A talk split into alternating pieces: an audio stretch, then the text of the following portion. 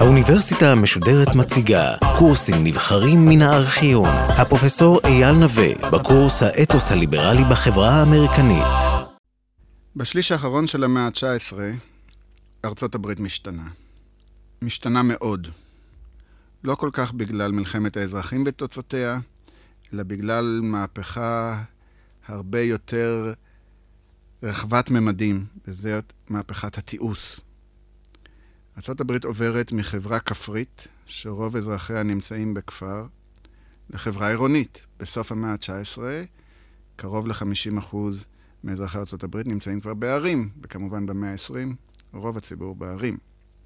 ארה"ב עוברת מחברה חקלאית לחברה מתועשת, מחברה שמורכבת מיחידות קטנות לחברה שמורכבת מתאגידי ענק שמובילים את הכלכלה האמריקנית. בעצם התאגיד, הקורפורציה, כישות כלכלית חדשה, מחליפה את העסקים הקטנים כמי שמוביל את המערכת הכלכלית. הקורפורציה לא מבטלת את העסקים הקטנים, אבל היא מצמצמת את כוחם. היא פוגעת בהם מבחינת החשיבות כקטר שמוביל את המערכת הקפיטליסטית האמריקנית. צמיחת התאגידים, או מה שנקרא צמיחת הביג ביזנס, צמיחת העסקים הגדולים, היא אולי התופעה המבנית החשובה ביותר שמתרחשת בארצות הברית בשליש האחרון של המאה ה-19. לא נעמוד בפרוטרוט על ההיבטים הכלכליים של התופעה הזאת, אלא ננסה לראות עד כמה התופעה הזאת משנה בעצם את מושג הליברליזם בארצות הברית, ומשנה את האתוס הליברלי בארצות הברית, ובעצם יוצרת מערכת מושגים חדשה שמתאימה יותר למאה ה-20 מאשר למאה ה-19. אבל כמה מילים לגבי הגורמים לתופעה הזאת. כמובן, זה נובע מהתרחבות השוק. אחרי המלחמה יש שוק אחיד, שוק גדול. יש מהפכה בתחבורה שהתחילה עוד לפני מלחמת האזרחים וממשיכה הלאה, בעיקר מסילות הברזל ורכבות, אחר כך גם דרכים אחרים. השקעות הון זר במשק האמריקני זורמות בעיקר מאירופה. הטכנולוגיה הולכת ומתפתחת, והתרבות האמריקנית יש לה יחס מאוד חיובי ליישומים טכנולוגיים ושימוש בטכנולוגיה כמנוף עסקי. הממשל מעודד וממשיך לעודד יזמות, ויזמות הופכת להיות לכוח פוליטי בידי מגזרים שונים, בעיקר מגזרים פרטיים. אתוס העבודה ממשיך להתקיים כאיזשהו מניע ליצירת חברה חרוצה יותר, וכמובן הגירה, כוח אדם, שבא בהמוניו כדי לעבוד וכדי לשרת את המערכת הקפיטליסטית הצמחת הזאת בשליש האחרון של המאה ה-19.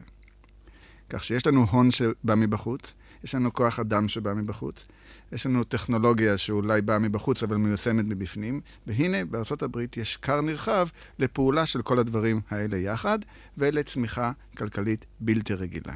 כמובן שבקטר שמוביל את הצמיחה הכלכלית הזאת הוא המגזר הפרטי. הם היזמים שתמיד היו מעודדים על ידי הממשל, אבל כאן הם זוכים לא רק לעידוד, אלא גם לעוצמה כזאת שהופכת אותם לשליטים האמיתיים של החברה האמריקנית. לא רק שצומחים התאגידים הענקיים האלה, שבהם העסק מתרחב בצורה מדהימה, שאתה לא יודע הרבה פעמים במה העסק עוסק, כלומר יש התרחבות אנכית אופקית. התרחבות אנכית זה לאורך פס הייצור, כלומר עסק מתרחב משלב קריאת חומרי הגלם ועד לשלב השיווק של המוצרים המוגמרים, אבל יש גם התרחבות אופקית, שזה פלח שוק מסוים שבו עסק אחד עוסק בפלח השוק הזה בכל מיני אה, היבטים שלו, בכל מיני מאפיינים שלו. ויש כאלה תאגידים שמשלבים התרחבות אופקית עם התרחבות אנכית ויוצרים בעצם תמנון עסקי ענק שאתה אף פעם לא יודע במה הוא עוסק, אבל הוא עוסק בהכל. מי בעל עסק? כולם. אבל יש אנשים שעומדים כמובן בראש הפירמידה, כי בתאגידים האלה נוצרה אליטה חדשה.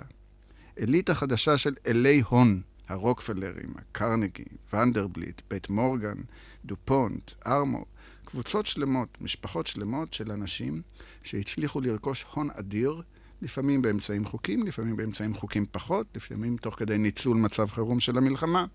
המתעשרים האלה מתרגמים את ההון הזה לכוח, את הכוח הזה לשליטה, ומדי פעם רואים את עצמם כאדוני החברה הליברלית, כמי שמשוחררים ממגבלות של האתוס הליברלי. למה הכוונה?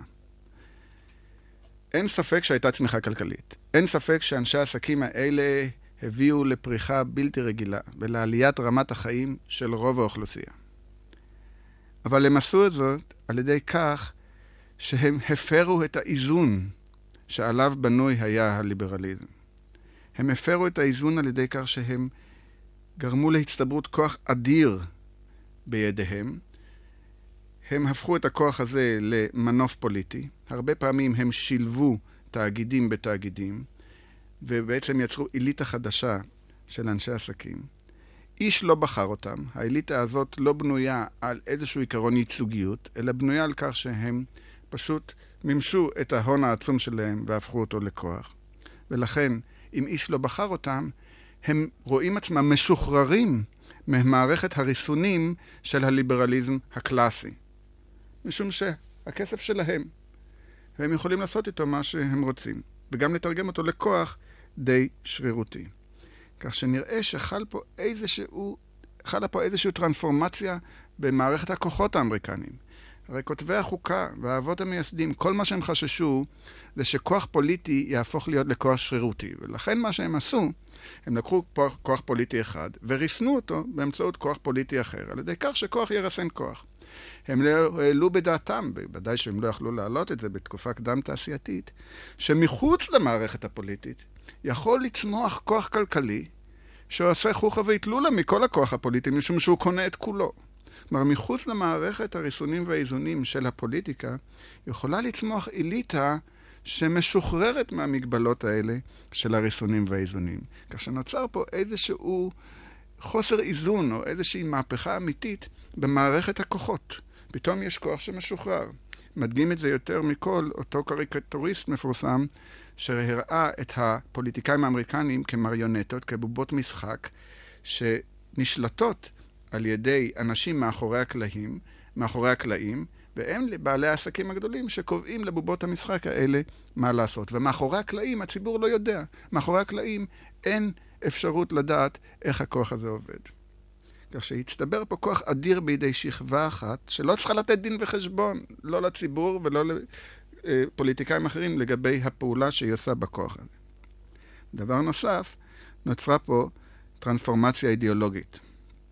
מה, אנשי העסקים הגדולים עברו מאתוס שוויוני, שרואה בשוויון בין האנשים נורמה מסוימת, למרות שזה לא קיים, אבל כאידיאל, לאתוס שמצדיק אי שוויון. לאתוס שמצדיק שונות, אי שוויון והיררכיה בין האנשים. קוראים לזה דרוויניזם חברתי.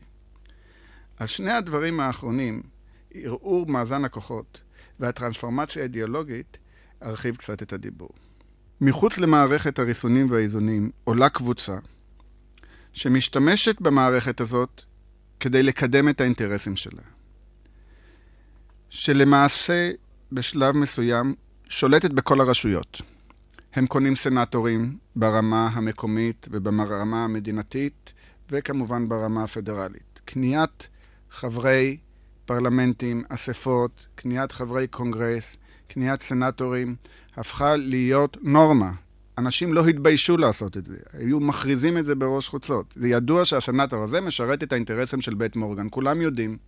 הם קונים את אמצעי התקשורת, הם קונים עיתונים. לאחר מכן, תהליך של שיחוד, של שיחוד פקידים, באמצעות מענק הטבות אלה אחרים, גורם לכך שבעצם הפוליטיקאים עושים את רצון אנשי העסקים. זה לא בדיוק עושים את רצון, כי גם להם פוליטיקאים עצמם יש אינטרס להיכנס לתחום הזה של העסקים, ובאיזשהו מקום מתחיל להיווצר מעין שילוב בין אליטה עסקית לאליטה פוליטית, שהציבור מנותק ממנה, הוא בעצם לא כל כך מבין ולא יודע את המכניזם שזה עובד. קוראים לזה פלוטוקרטיה, שלטון ההון. הפלוטוקרטים הם השליטים האמיתיים. זה מגיע כמובן גם לבתי המשפט. ברמה הדורסנית ביותר על ידי שיחוד שופטים. ויש הרבה מאוד תופעות כאלה ברמות שונות. ברמה המתוחכמת יותר, זה לא על ידי שיחוד שופטים, אלא על ידי קניית עורכי דין שמייצגים את התאגידים. עורכי דין שהופכים כל נושא משפטי לנושא שיקדם בסופו של דבר את האינטרסים של התאגידים. הם מקבלים הרבה מאוד כסף מהתאגידים, הם לכן משרתי התאגידים, ולכן הם יכולים להיות כל כך טובים שיהפכו גם עבירות נוראות שנראות על פניהם כדבר נורא, לדבר לגיטימי אם הוא נעשה בשירות נכון. כלומר, היכולת של אנשי עסקים בעצם להשתלט על השיח המשפטי, שכבר אמרנו פעם שהוא קובע הרבה במערכת הליברלית, גורמת לכך שההכרעות המשפטיות, שהן ההכרעות החשובות בסופו של דבר, פסקי הדין, הכרעות תקדימיות, בסופו של דבר, ההכרעות האלה משרתות לא אחת את האינטרסים של אנשי עסקים. התקופה הזאת של סוף המאה ה-19 כונתה על ידי אנשים שונים כמו העידן המוזהב, The Gilded Age, היינו עידן מצופה זהב שרקוב מבפנים, או עידן העסקים הגדולים, או יש שקראו תקופת הברונים השודדים. כלומר, יש לעידן הזה קונוטציות שליליות במובן השחיתות הפוליטית שהגיעה לממדים חסרי תקדים. שוב, הייתה צמיחה, הייתה פריחה, זה הזמן שארצות הברית עולה לדרגת מעצמה כלכלית הגדולה ביותר בעולם, אבל יש לזה מחיר. והמחיר הוא השחיתות והכוח האדיר שהצטבר בידי קבוצה יחסית קטנה של אנשים שלא נבחרו, שאיש לא בחר בהם, והם יכולים לממש את הכוח הזה ולעשות בו כרצונם. השליטים האמיתים החל מסוף המאה ה-19 הם בעלי המאה. ואנחנו כולם יודעים שמות כמו רוקפלר וקרנגי, אבל מעט מאיתנו זוכר מי היה הנשיא באותה תקופה. מי היו הנשיאים שבין לינקולן לבין רוזוולט. מישהו זוכר את צ'סטר ארתור, את גרובר קליבלנד, את ויליאם מקינלי, את גרפילד אחד.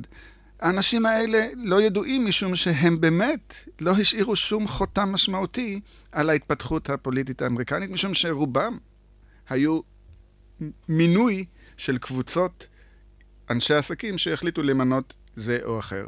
אגב, זה, התקופה הזאת מתאפיינת בשלטון די רציף של נשיאים רפובליקנים, אבל קרה פעם שברגע שאנשי עסקים חשבו שהמעמד הרפובליקני לא כל כך טוב, אז הם נתנו את קולם למעמד הדמוקרטי, ואז הוא נבחר. אבל בסך הכל אין הבדל גדול, משום שהמערכת הנשיאותית, גם היא משרתת איזשהו אינטרס מסוים. לא שלא היו אופוזיציות והיו מאבקים, אבל הניצחון היה תמיד של האינטרסים העסקיים.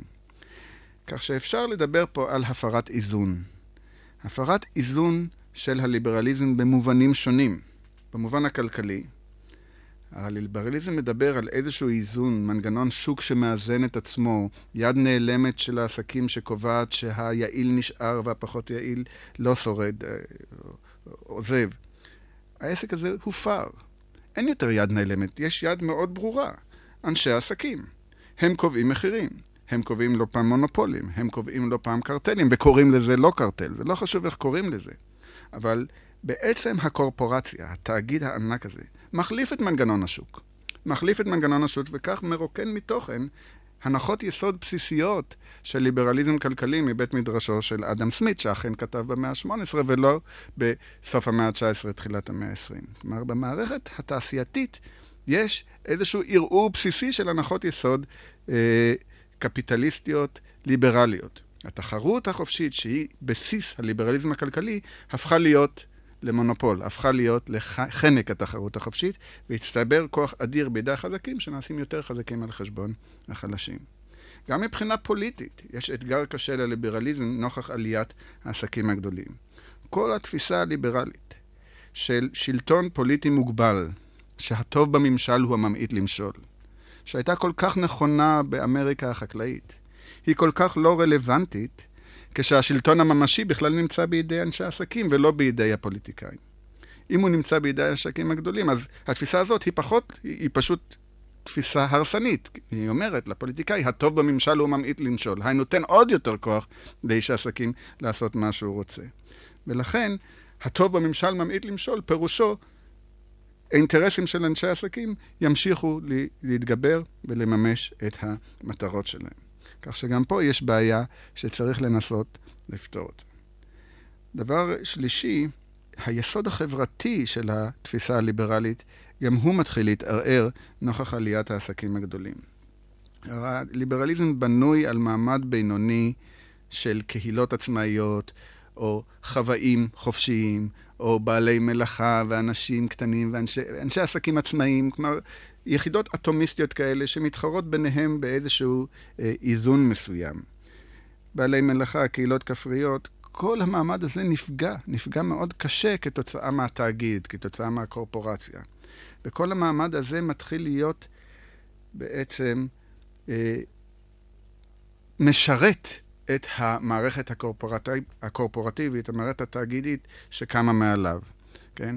הרבה בעלי עסקים קטנים פשוט נעלמו, הפכו להיות שכירי יום. הרבה אומנים ובעלי מלאכה הפכו להיות פועלים. באיזשהו מקום נוצרה בירוקרטיה מאוד היררכית של מנהלים, שבסופה עומדים כמובן אלי העסקים, שהם קובעים את סדר היום, הם קובעים את פעילות המערכת העסקית. גם אה, כפרים נעלמו, עיירות נעלמו, בהתאם לאינטרס של אה, קבוצת עסקים זו או אחרת. היינו, יש ערעור חברתי של היסוד של הליברליזם, אותו מעמד בינוני שהיה הבסיס אה, של התפיסה הליברלית, הוא בטרנספורמציה, הוא בשינויים מרחיקי לכת שמחייבים איזושהי פעולה. כאשר מבחינה כלכלית, מבחינה פוליטית, מבחינה חברתית, יש בפעילות הזאת של אנשי עסקים ובהצטברות הכוח האדיר הזה אצל אנשי עסקים, ערעור של הנחות יסוד ליברליות. ולכן כל כך מעניין שמבחינת האידיאולוגיה, הערעור לא כל כך קיים. להפך, האתוס האינדיבידואליסטי, שהיה כל כך חזק בליברליזם הקלאסי, ממשיך להיות בצורה מניפולטיבית מאוד חזק, גם בקרב דוברי אנשי העסקים הגדולים. גם, עכשיו, זה נראה לכם אולי לא כל כך מסתדר עם הטרנספורמציה של דרוויניזם חברתי, אבל זה מסתדר אם נבדוק את זה בשתי רמות. אנשי עסקים הבינו שיש צורך להגיע, להצדיק את הפעולה שלהם. והם לא יכולים להצדיק את הפעולה שלהם על ידי כך שהם יגידו, אנחנו פשוט חזקים יותר, אנחנו פשוט טובים יותר, לכן מגיע לנו. והם משתמשים בעצם במערכת האידיאולוגית הליברלית כדי להצדיק את הכוח האדיר שלהם.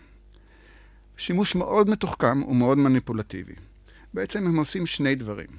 ברמות הפנימיות, העסקיות, וגם ברמות, הייתי אומר, האינטלקטואליות, התרבותיות, המדעיות, הם פונים לדבר חדש ואומרים, זה מנהגו של עולם, זה מדעי שאנחנו צריכים להצליח ויש לנו כל הכוח, והם מבססים את זה על מה שנקרא דרוויניזם חברתי. מאבק בחברה, כמו מאבק בטבע, הוא בין השורדים והלא שורדים, הם אגב משנים את זה לחלשים וחזקים. מי שנשאר הוא החזק. כל התערבות נגד מי שנשאר היא בעצם שינוי במבנה של הטבע, היא תפגע בחברה, ולכן אין צורך להתערב. זה יפה מאוד בחוגים הפנימיים. זה מסביר לחזקים למה הם חזקים ולמה הם צריכים להיות חזקים. עם זה אי אפשר לצאת החוצה. עם זה קשה מאוד לשכנע את אלה שלא הצליחו, או את הציבור הרחב. וכדי לשכנע את הציבור הרחב, משתמשים אנשי עסקים ודובריהם השונים ברטוריקה הקלאסית של הליברליזם, במושג ההצלחה הקלאסית, שאומר בעצם שבמערכת ליברלית חופשית כל אחד יכול להצליח. וכמו שאני הצלחתי, אומר רוקפלר, ככה גם אתה יכול להצליח, וככה גם האחרון מטאטאי הרחובות יכול להצליח. רק ניתן להם חופש, רק ניתן להם מספיק אפשרות לממש את היוזמות שלהם, וכולם יכולים להצליח. לא יצליחו, אבל יכולים להצליח. הפוטנציאל קיים, ולכן מי שלא הצליח, אין לו אלא את עצמו להאשים, או לנסות עוד פעם. ועל ידי הניסיון הבלתי פוסק הזה, גם אתה תצליח. ככה אתה יוצר לגיטימציה. ככה אתה יוצר לגיטימציה לכוח החדש. ולכן ברמה הציבורית, בשורת ההצלחה הופכת להיות האידיאולוגיה של אנשי העסקים. זה מאוד מעניין, כי בשורת ההצלחה החלה במאה ה-18 כבשורת הצלחה עם נימוקים דתיים. אנחנו יודעים שיש לזה שורשים פוריטניים על הקשר בין הצלחה וגאולה. אנחנו ראינו במאה ה-19 שהרבה פוליטיקאים, כמו ג'קסון למשל, השתמשו בבשורת ההצלחה כדי להגיד, החברה שלנו פתוחה, אנחנו יכולים להצליח ולהגיע לשלטון. בסוף המאה ה-19, מי ש... מפיץ את בשורת ההצלחה יותר מכל גוף אחר, אלה העסקים הגדולים. זה הביג ביזנס. והם עושים את זה בצורה פשוט מדהימה, יש להם כמובן כסף לזה וכוח לזה, על ידי יצירה של ספרות הצלחה המונית, ברמה של אה, ספרות ילדים וברמה של עיתונות, ואחר כך יותר מאוחר במאה ה-20 זה יהיה בסרטים ובפרסמות, שבעצם אומרת, אנחנו חברה פתוחה. אנחנו חברה שבה ההצלחה עדיין קיימת. והשמיים זה הגבול, ותמיד אפשר אה, להצליח. מה המשמעות של תפיסת עולם כזאת? קודם כל, אנחנו חלק מאמריקה. זה שעכשיו הצלחנו, זה לא אומר שאנחנו שונים ממה שהיה קודם. כפי שג'קסון או לינקולן הצליחו במאה ה-19, עכשיו רוקפלר הצליח, ומחר יצליח מישהו אחר. החברה הזאת נשארה פתוחה. היא לא סגרה שום אופציות. הכל פתוח להצלחה. דבר שני, אנחנו מתבססים על המסורת, אנחנו לא שונים. ודבר נוסף, לכל אחד מאיתנו היה כישלון והתגברנו עליו. והכישלון הוא אבן מחשלת בדרך להצלחה. וכפי שאנחנו נכשלנו והתגברנו, כך כל אחד ואחד בסיטואציות של חברה חופשית יכול להצליח. ואם עכשיו אתה, מסכן, נמצא במצב של כישלון, גם אני, רוקפלר, נמצאתי במצב של כישלון פעם, והנה אני התגברתי, גם אתה יכול להתגבר. כלומר, יש פה מניפולציה לא רגילה של הדיאלקטיקה הזאת בין הצלחה וכישלון. כישלון זה לא ההפך מהצלחה. כישלון לפעמים זה תנאי להצלחה. וככל שיהיו לך יותר כישלונות מחשלים, כך בסופו של דבר אתה תגיע להצלחה אמיתית יותר. זה מתבטא בהרבה סיפורי ילדים, שבהם הגיבור תמיד מתחיל בסדרה של כישלונות ומסתיים בהצלחה. קוראים לזה גם סיפורי הוריישו אלג'ר, על שם אדם שכתב את הסיפורים.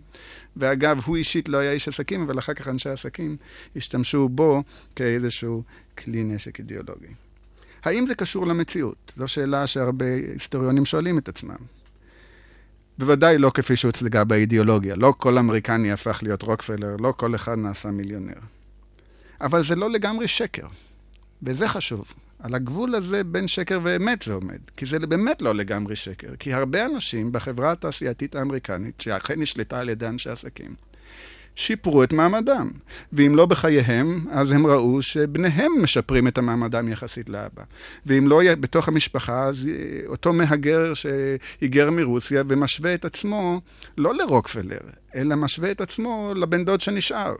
או לבן דוד השלישי שעלה לדגניה. ופה ושם תמיד יש את אותם חריגים כמו קרנגי, שיגידו, באמת התחלתי כמהגר סקוטי עני, והיום אני אה, אולי האיש הכי עשיר באמריקה. ולכן העובדה שיש מוביליות חברתית ושאנשים עלו, יוצרת מעין התאמה פסיכולוגית בין אתוס ההצלחה לבין המציאות. ההתאמה הפסיכולוגית הזאת יוצרת לגיטימציה לכוח ההולך וגדל של אנשי עסקים. והלגיטימציה הזאת מאפשרת להם במשך למעלה משליש מאה לעשות כרצונם במערכת הכוח האמריקני. זה לא המשיך הלאה, משום שבמקביל לכך החלו לקום כוחות נגד, וכל תנועות הרפורמה שבאו ב- לקראת שנות התשעים ותחילת המאה העשרים, ועליהם נדון בפעם הבאה.